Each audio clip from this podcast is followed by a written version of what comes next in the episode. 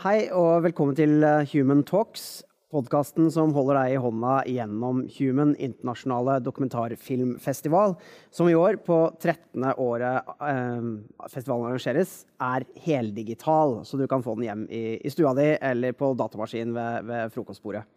Jeg heter Stig Arild Pettersen, og eh, en oppdatering som dette i både video- og podkastformat får du hver eneste dag gjennom festivalen fra enten meg eller min kollega Ingrid Salvesen. Og hvis du vil se noen av våre tidligere eh, samtaler eh, og oppdateringer, bl.a. den som jeg hadde med Jonas Poher Rasmussen, som har eh, lagd åpningsfilmen 'Flukt' på årets program, en fantastisk animasjonsfilm som jeg anbefaler til alle, så ligger den på humanfilm.no. Eh, eller Ingrids samtale med bl.a. Amnesty-leder eh, Jon Peder Egenes om hvorfor dokumentarfilm er et godt format å lære om menneskerettigheter og hvordan folk har det i andre deler av, av verden. Så gå inn der og finn, finn tidligere opptak av, av våre samtaler. Uh, der kan du også finne informasjon om hvordan du kan se noen av de 44 filmene som er på årets program, og ikke minst de panelsamtalene som foregår live i den digitale salongen vår.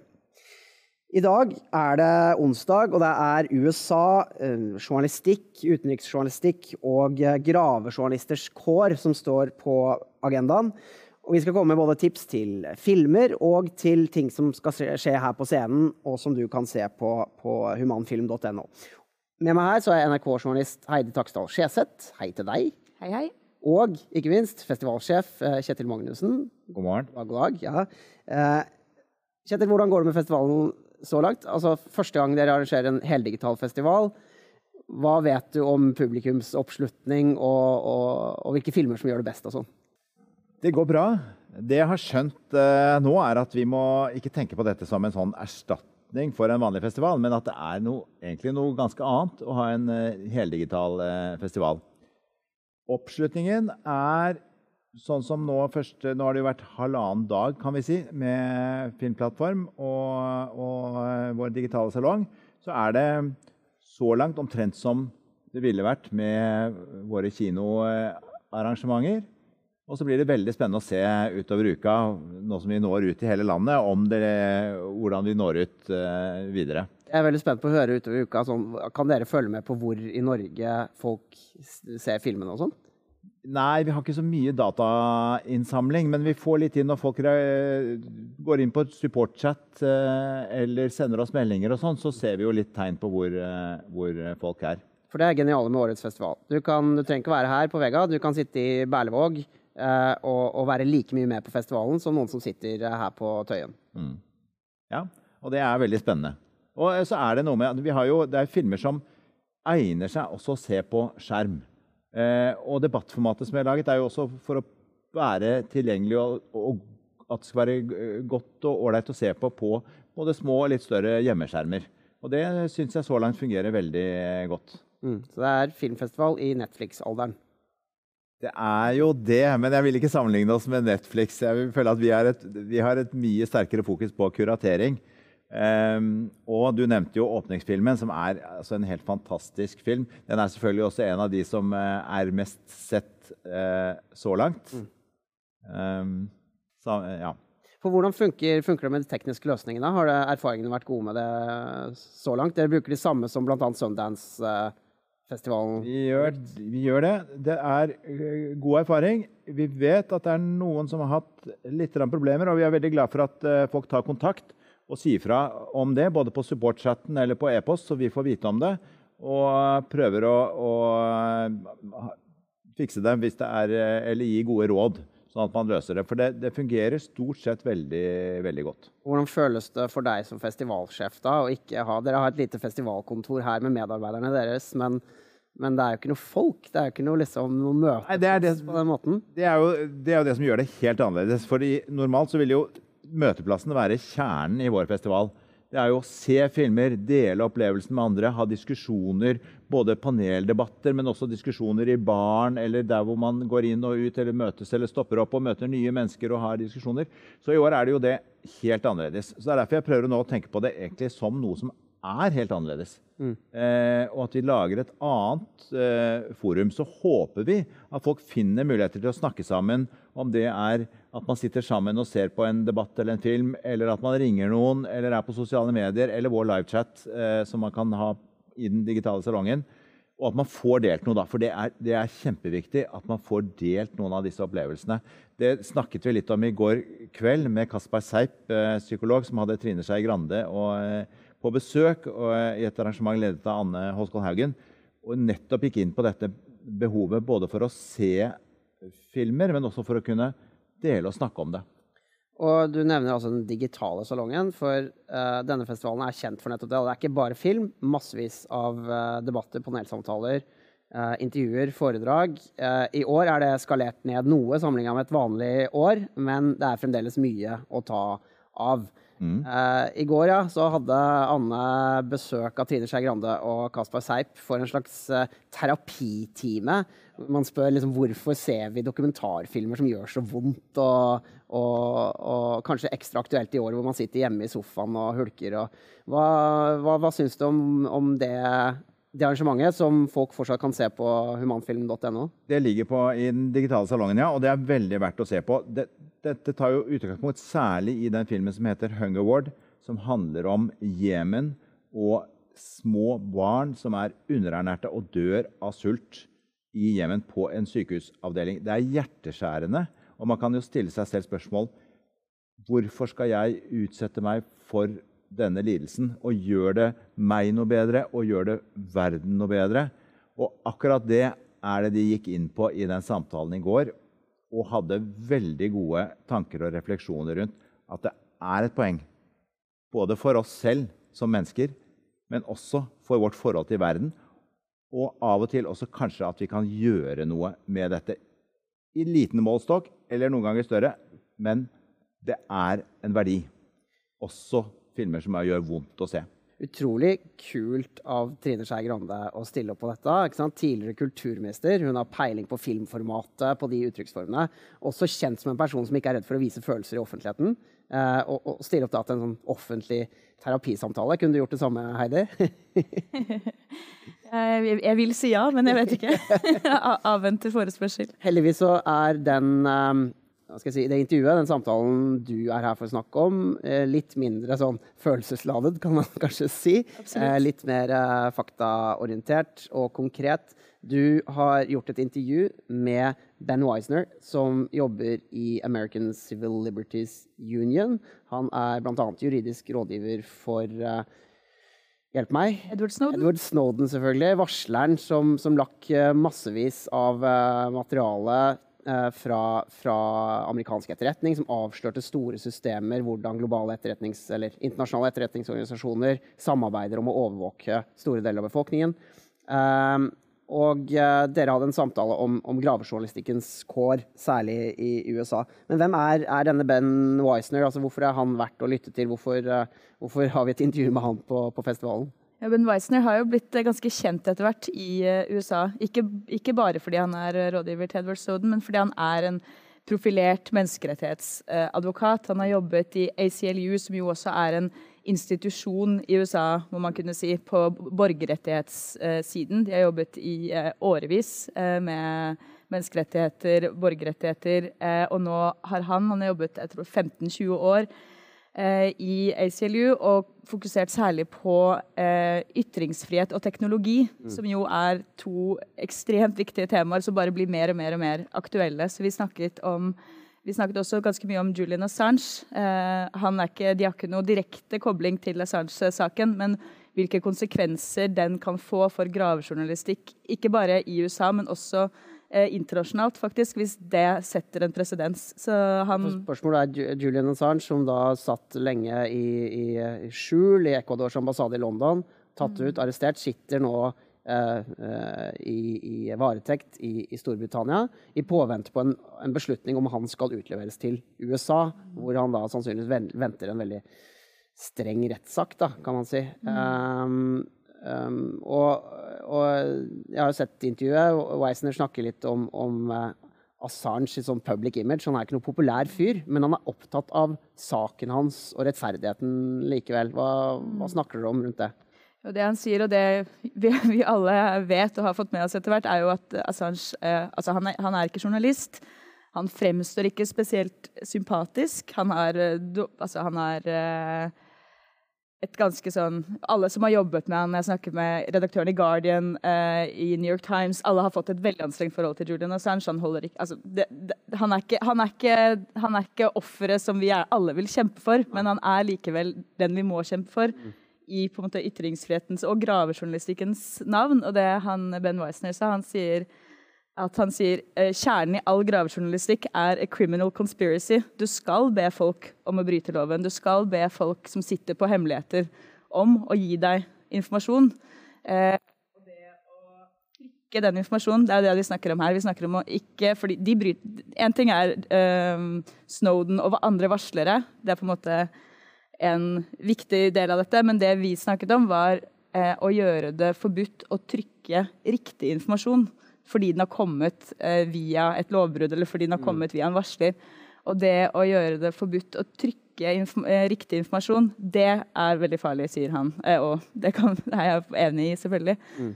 Um, og han sier også um, Det som også var interessant, som på en måte har havnet litt i kanskje andre rekke eh, her i den norske debatten, og kanskje også internasjonalt, er at eh, dette kan jo skape en presedens også hvis hvis New York Times trykker eh, statshemmeligheter de har fått tak i i Kina, mm. så kan Kina si ja, men vi vil gjerne ha utlevert vi, disse journalistene, for det er sånn dere opererer. Eh, Iran kan si det samme. Altså, det kan skape en veldig farlig presedens for gravejournalistikkens kår internasjonalt, eller journalistikkens kår, egentlig som har sterke og lange tradisjoner i USA. Altså Vi som har jobba som journalister, vi ser gjerne opp til en del sånne amerikanske mm. gravejournalister. De kan tidligere sette av sånne sinnssyke ressurser mm. og avdekke ting. Jobbe veldig veldig lenge med det inn, inn i redaksjoner, og vi blir veldig, misunnelige på hvordan man får jobbe. Eh, hvordan Du har bodd mange mange år i USA og, og jobba som journalist der. Hvordan vil du si at amerikansk liksom, gravejournalistikk eh, skiller seg ut fra det vi er vant til her i, i Norge? Jo, det er litt det du kommer inn på, at de, de setter av voldsomme ressurser. De tar det.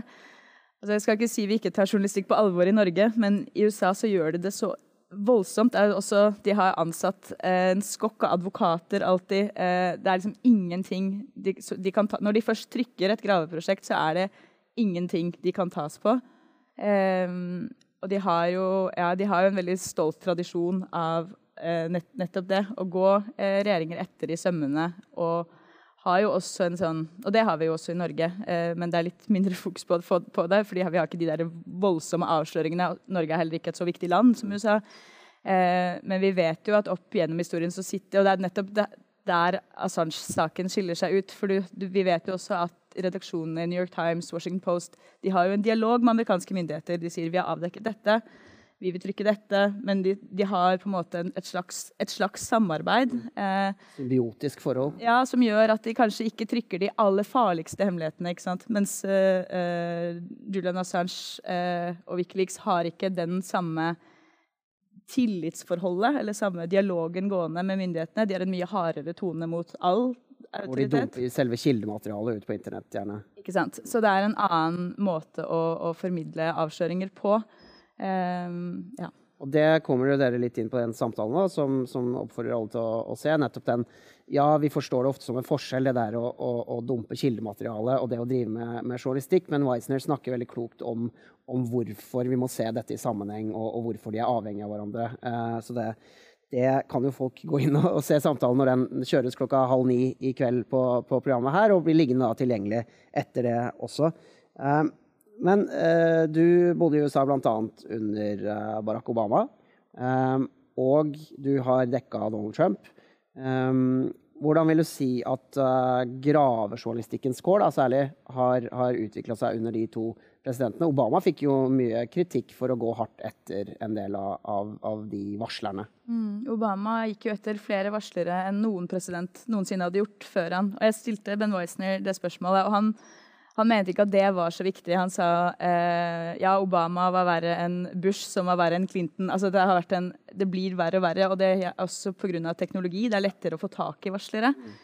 Um, og, og, Trump har jo vært en, en, en egen kategori, men eh, den måte, krigen Donald Trump har erklært mot eh, mediene, ga jo også en veldig motivasjon til veldig mange amerikanske journalister. Som også så kan man diskutere om de responderte på en måte konstruktivt. Eller det ble kanskje litt vel eh, harde fronter mellom presidenten og, og pressekorpset.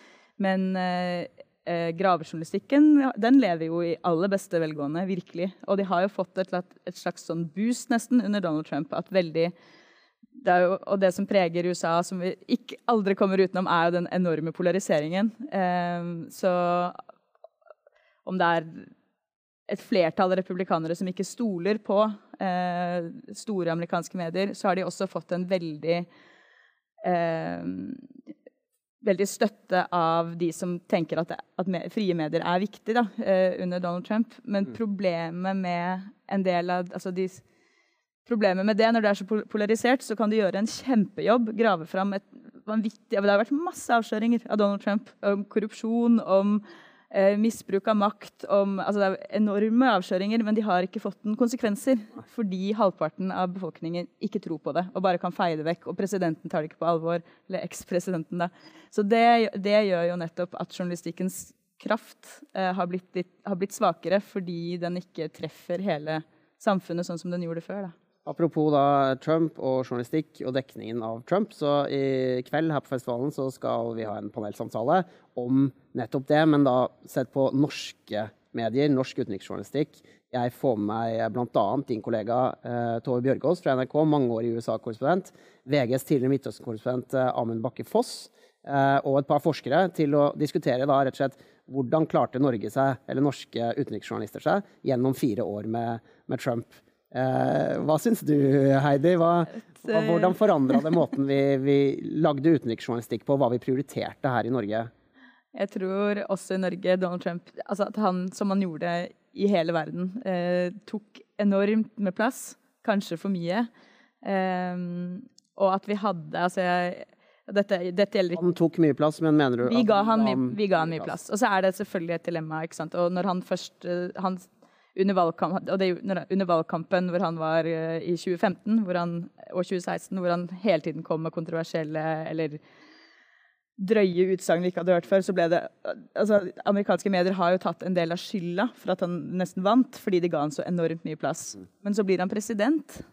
Man kan ikke ignorere uh, presidentens utsagn, selv om han, vi vet at han lyver. Vi vet at det er for å få skape oppmerksomhet om dette og ikke det viktige vi egentlig skulle snakke om. Men det er jo en, hele tiden en, en balansegang. Jeg, jeg, besøkte Al-Jaziras hovedkontor i London i 2017, og da hadde de en, en, stor skjerm som bare var dedikert til Donald Trumps Twitter.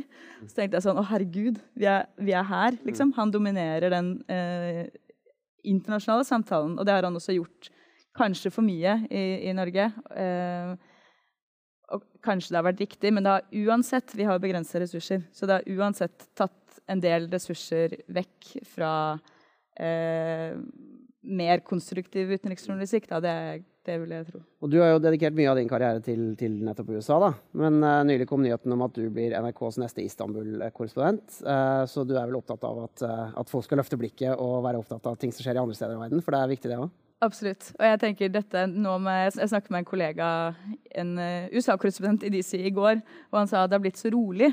Uh, de har også tid til å uh, dekke de bilaterale forholdene på en helt annen måte.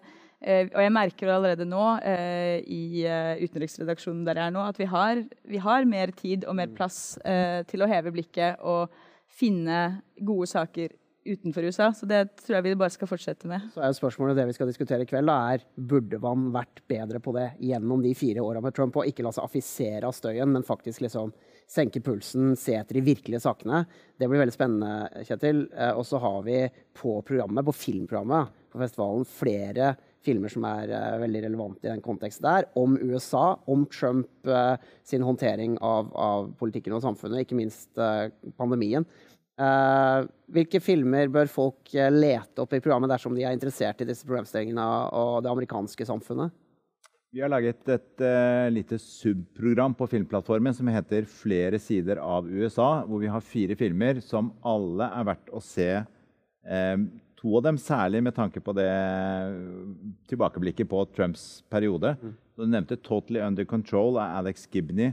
Viser hvordan Trump-administrasjonen fullstendig um, ikke klarte Altså totalt mislyktes i å håndtere covid-krisen. Eh, den er sjokkerende. Selv med det vi har fulgt med underveis, så er den filmen eh, sjokkerende. Alex Gibney er jo en velrenommert amerikansk eh, dokumentarfilmregissør.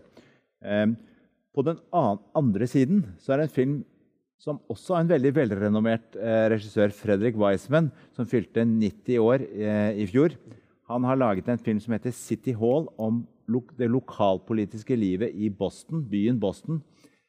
Og den viser oss at på tross av dette, altså hvordan vi har sett at Trump har nesten prøvd å rive ned samfunnet, ødelegge institusjonene, så ser vi at det er et, fremdeles et ganske solid grunnfjell i lokalpolitikken og sivilsamfunnet. Sånn at det skal mer til å på en måte rive ned det i USA. Og det er jo, det er jo, ehm, det er jo godt å se. Um, og Det speiler jo også det jeg tenker på den første filmen du nevner, med, med covid-håndteringen. Eh, så ser man jo hva som faktisk hva blir konsekvensene dersom man setter det derre byråkratiet eller de som faktisk har erfaring med å lede ting, da, til side og sier at ja, men vi skal fikse det på en ny måte og vi, vi, vi håndterer dette best. Ja, altså det, det, det, det, er nesten sabotasje. Altså, man, man er totalt eh, ødelagt eh, Eller ikke brukt de institusjonene, mulighetene og planene som fantes i samfunnet, og satt inn tilfeldige personer. Det er, det er virkelig helt uh, sjokkerende. Er det da, bare for å avslutte på annen side, veldig rørende å se at, eh, faktisk, altså gledelig og rørende å se City Hall, som viser at det er, det er et samfunn fremdeles.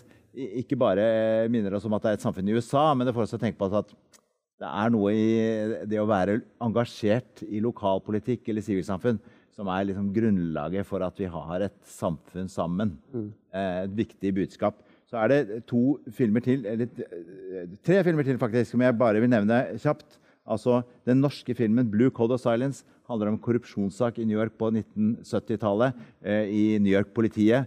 Veldig spennende. En skikkelig true crime. Og peker på jo som, altså når korrupsjonen virkelig vokste til eh, store høyder. Og det er jo et sentralt tema i vår tid. Så det er både en spennende true crime og en veldig aktuell eh, film, selv om det mm. handler om 1970-tallet. Og så har vi en film som heter The Cured, Cured om eh, kampen mot eh, eh, homofili som en psykiatrisk diagnose, også i eh, USA på 1970-tallet. Og til slutt en film som heter The Devil's Advocate, som handler om forsvarsadvokater i USA som forsvarer terrortiltalte. Eh, og viser på det behovet for å ha en ordentlig rettsprosess for alle. En rettssikkerhet i samfunnet.